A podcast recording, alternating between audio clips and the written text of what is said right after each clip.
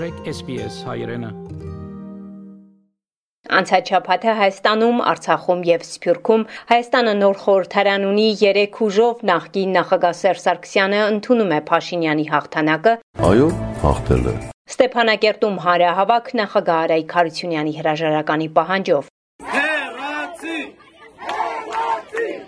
Այժմ այս եւ այլ նորությունների մասին առավել մանրամասն։ Անցած շաբաթ Եվրամիության 3 երկրների Ավստրիայի, Լիտվայի եւ Ռումինիայի արտգործնախարարները տարածաշրջանային այցով եղել են Հայաստանում, Ադրբեջանում եւ Վրաստանում։ Անվտանգության հարցերով Եվրամիության բարձր ներկայացուցիչ Ջուզեպ Բորելի կողմից լիազորված այս այցի նպատակը հարավկովկասյան երկրների հետ հարաբերությունների խորացումն է եւ տարածաշրջանում արկա հակամարտությունների խաղաղ հանգուցալուծումը։ Նրանք շեշտել են, որ վճռական են իրենց դերակատարությունն ունենալու Ղարաբաղյան հարցի կարգավորման գործում նաև ամփոփելով այցը SBS-ի հետ զրույցում Լիտվայի արտգործնախարար Գաբրիելուս Լացբերգիսը ասել է, որ հայ գերիների հարցը Բաքվում բարձրացվել է եւ իրենք պատրաստ են այդ հարցում օգնել։ Պատասխանելով նաև հարցին, որ Ադրբեջանը համարում է Ղարաբաղյան հակամարտությունը լուծված, Հայաստանը ոչ, որն է Եվրամիության դիրքորոշումը նա ասել է, որ հուսով է մի օր խաղաղության համաձայնագիր կկնքվի կողմերի միջև, իսկ ինչ վերաբերում է Արցախի կարգավիճ վիճակին ասել է այդ հարցը կորոշվի,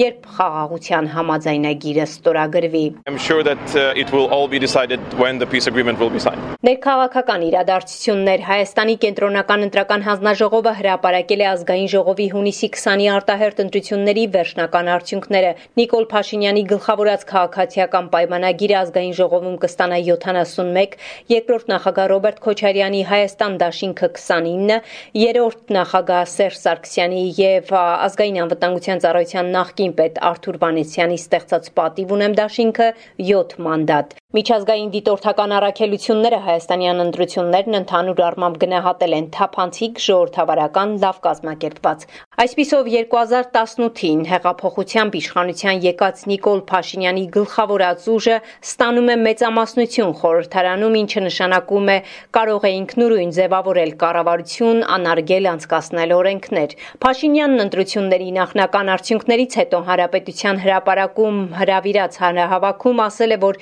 3 տարվա մեջ երկրորդ հեղափոխությունն է տեղի ունեցել եւ ոչ թե թավշյա այս անգամ պողպատ է։ Այս մանդատը արձանագրում է, որ Հայաստանի Հանրապետությունում հաստատվում է ժողովրդի կամքով իրավունքի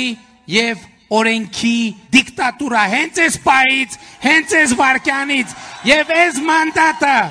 մենք իրականացնելու ենք լիարժեք այո այս մանդատի մեջ մուրճ էլ կա, այս մանդատի մեջ սուր էլ կա, բահ էլ կա,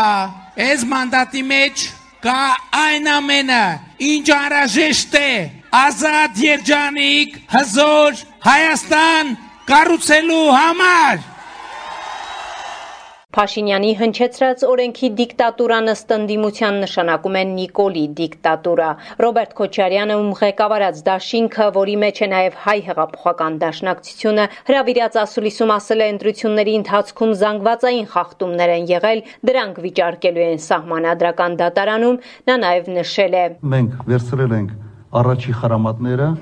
եւ այդ խրամատներում պետք է ամրանանք եւ ապահովենք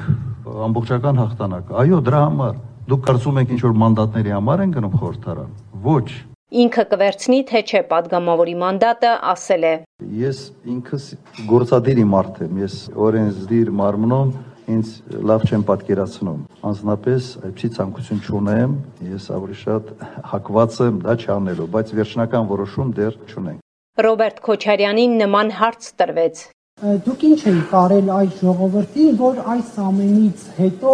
նրանք կրկին իրենց քվեն տվեցին այս կառավարությանը, որ այսքան դժբախտություն էր բերել մեր գործին եւ ձեզ չընտրեցին, ինչ եք կարել, որ չկարողացան ձեզ ներել։ Ինքը հարցադրում է իմ համար ինձ համար անկեղծ հասկանալի չէ։ Հայաստան դաշինքը այսօր քվեններով երկրորդն է։ Սա սա ինչ է նշանակում։ Սա նշանակում է, որ իշխանություն չեք։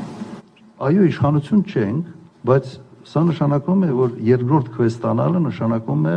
շատ լուրջ կարգավիճակ երկրում։ Չէի կարել այնպիսի բան, որ ժողովուրդը ձեզ երկրորդ անգամ քվե չտար իշխանություն ձևավորելու համար։ Անկեղծ ասած, ձեր հարցը չեմ հասկանում։ Ես կարող եմ ասել ինչ եմ ես արել։ Իմ նախագահության ժամանակ Միջին աշխատավորը աճել է 5 անգամ։ Բյուջեն աճել է 8 անգամ,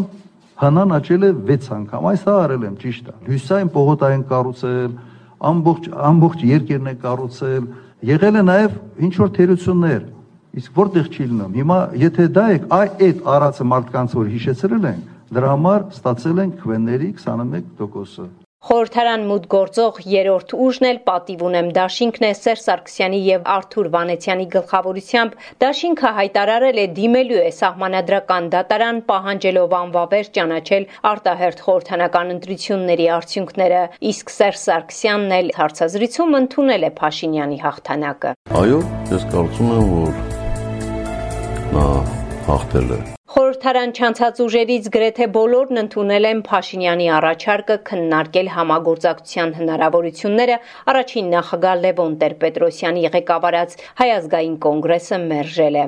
Արցախ. Ստեփանակերտի վերածննդի հրապարակում անցած շաբաթ նախագահ Հարությունյանի հրաժարականի պահանջով հանրահավաք է տեղի ունեցել։ Պատճառը առաջին հերթին Արայիկ Հարությունյանի այցելությունն էր Երևան Փաշինյանի քաղաքացիական պայմանագիր կուսակցության նախընտրական շտաբ, սակայն ցուցարարները նրան եւս մեղադրել են հազարավոր զոհեր ունենալու ու պարտության մեջ, պահանջելով նրա հրաժարականը։ Եվ ոնց ալնեմ, որ այդ միլիարդները ձեր ազնական շքեղ դղյակների համար հերիքը մա, բայց մեր առաջնագծում սովորական խրամատը, միգիծը 30 տարվա մեջ չեն կանդել։ Եվ Այո, այս պատերազմի պարտության համար պետք է պատասխան տան բոլոր մեղավորները։ Մեզ պետք չի Վեշարայի Հարությունյանը, վիշել միջև Արայի Հարությունյանը հույրանա, լող դավաճանը, այս երգերը թվանալը, բանակը չքուցրալ, բանակ բանակը, մեր բանակի մենակ մի պլուսոն է։ Դա այն 18 տարեկան սալդատնա, էմենա թծոլող քանդալը։ Նախագահ Արայիկ Հարությունյանն իր դեմ տեղի ունեցած բողոքի ակցիայից հետո արցախցիներին հրավիրել էր կրկին նույն վայր՝ Ստեփանակերտի վերածննդի հրապարակ։ Լիովին սխալ է մեկնաբանել իմ այցը քաղաքացիական պայմանագիր կուսակցության գրասենյակ։ Ամենայն պատասխանատվությամբ հայտարարում եմ, որ եղել եմ ոչ միայն քաղաքացիական պայմանագիր կուսակցության գրասենյակում, այլ հանդիպումներ եմ ունեցել Գագիկ Ծառուկյանի, Հրանտ Բագրատյանի, Արամ Սարգսյանի, Էդմոն Մարուկյանի, Սամվել Բաբայանի եւ այլոց հետ։ Ընդ որում ես պահպանել եմ չեզոքությունը եւ միայն քվեարկությունից հետո եմ հանդիպումներ ունեցել Արայիկ Հարությունյանն ասել է, թե ինչու պարտվեցինք։ Ինչու նախորոք լրացուցիչ ժենք չեն առել, այդ հարցը տալիս են։ Արցախի հանրապետության կառավարությունը ոչ լիազորություն ունի զենք գնելու, ոչ որևէ երկիր պատրաստ է մեզ զենք վաճառելու, ոչ էլ Արցախը համապատասխան բյուջեինի սպառազինության համար։ Ինչու նախորոք այդ ամենը չի կատարվել, կպարզաբանենք հետո։ Ինչու ենք պարտվել պատերազմում։ Ինչպես նշեցի, պատերազմին պատրաստվելը տասնամյակների գործ է։ Եվ այստեղ բոլոր ժամանակների ռազմաքաղաքական ղեկավարները պետք է պարզաբանումներ տան։ Բնականաբար, առաջնահորթելոն պատերազմի ժամանակ գործող ղեկավարները։ Նա ասել է, որ պատրաստ է հրաժարական տալ, թե ես որևէ ազնական շահագրգռվածություն ունեմ շարունակել պաշտոնավարումս, թե կարճած եմ աթոռից, ամենևին ոչ։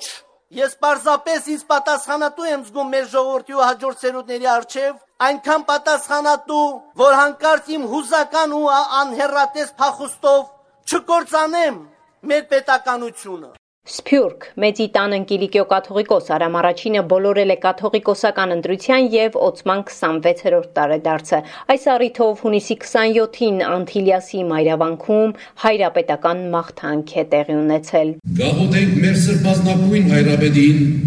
եւ Մեծի տան ընկիլիկյո Սուրբ Ատորի քաղաքալին դեր դեր Արամ առաջին կաթողիկոսի առողջության համար Հունիսի 21-ին մեկնարկել է Սփյուռքի գործերի գլխավոր հանձնակատարի գրասենյակի «Քայլ դեպի տուն» ուսումնաճանաչողական երկշաբաթյա ծրագիրը, որը նպատակ ունի պահպանել եւ զարգացնել 13-ից 18 տարեկան սփյուռքահայ պատանիների ազգային ինքնությունը։ Եվ վերջին նորությունը Թուրքիայում գտնվող պատմական հայկական բնակավայրերում գանձ որոնողները վնասել են Կայսերիում գտնվող 18-րդ դարի Սուրբ Թորոս հայկական եկեղեցին։ Փաստի արդիվ Թուրքիայի Մեջլիսի հայազգի բանակի падգամավոր Կարո Փայլյանը Թուրքիայի մշակույթի եւ զբոսաշրջության նախարարին հարցադրում է ուղարկել։ Դրանում Փայլյանը նշել է, որ հին հայկական եկեղեցին տասնյակ տարիներ անուշադրության հետևանքով մատնված է բախտի քմաճուկին, իսկ այսօր դարձել է վանդալների ու գանձվորոնողների հարցակման թիրախ։ Այսքանն ասնող շփաթը Հայաստանում, Արցախում եւ Սփյուռքում SBS-ի համար ամփոփեց Գիտալիբեկյան։ Հավնե լայք բաժնեկցե, դարձիկը թայտնե, հետեւե SBS հայրենին թիմադեդի վրա։